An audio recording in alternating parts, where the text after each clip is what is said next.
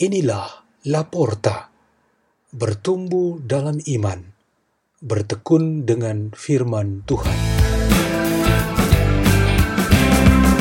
Bersama saya, Stefanus Widodo dan Clara Rutin Yudianti dari Paroki Santo Fransiskus Asisi Kabil di Batam.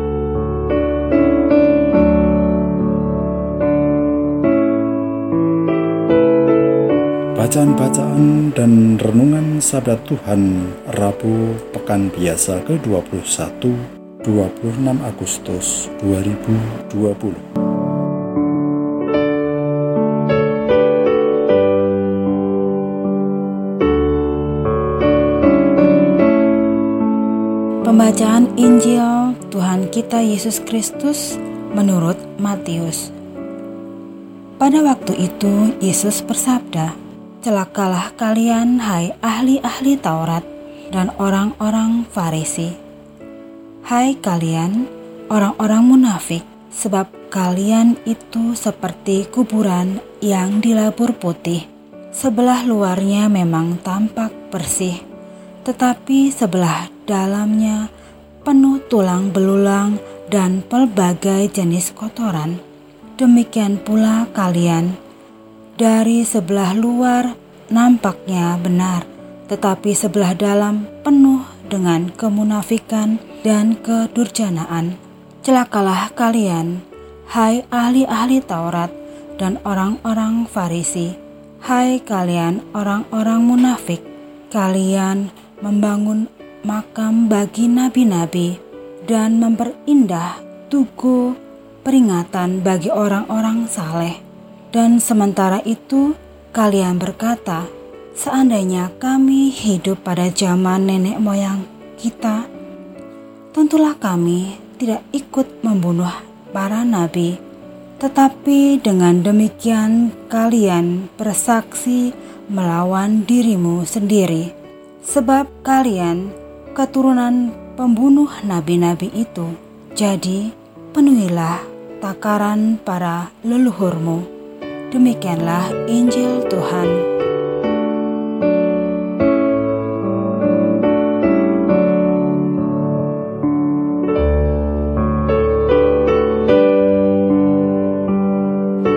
Renungan kita pada hari ini bertema Janganlah jahat yang bermunafik.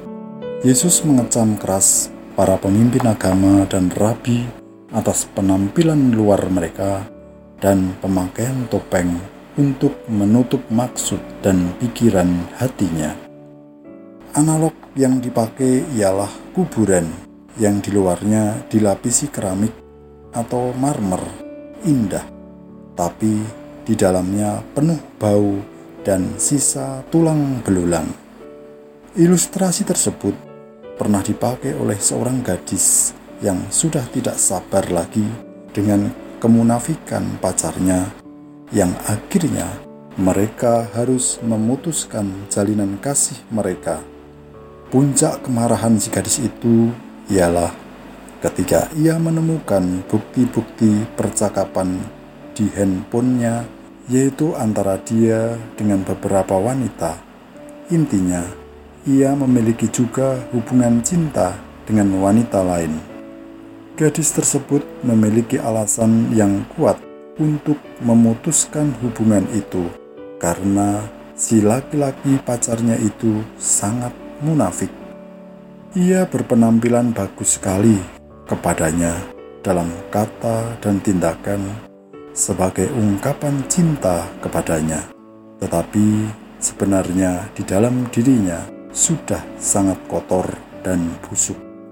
Dosa dan kejahatan berangkat dari kenajisan dan kotornya pikiran dan hati manusia seperti sombong, kebohongan, dan nafsu, kedengkian.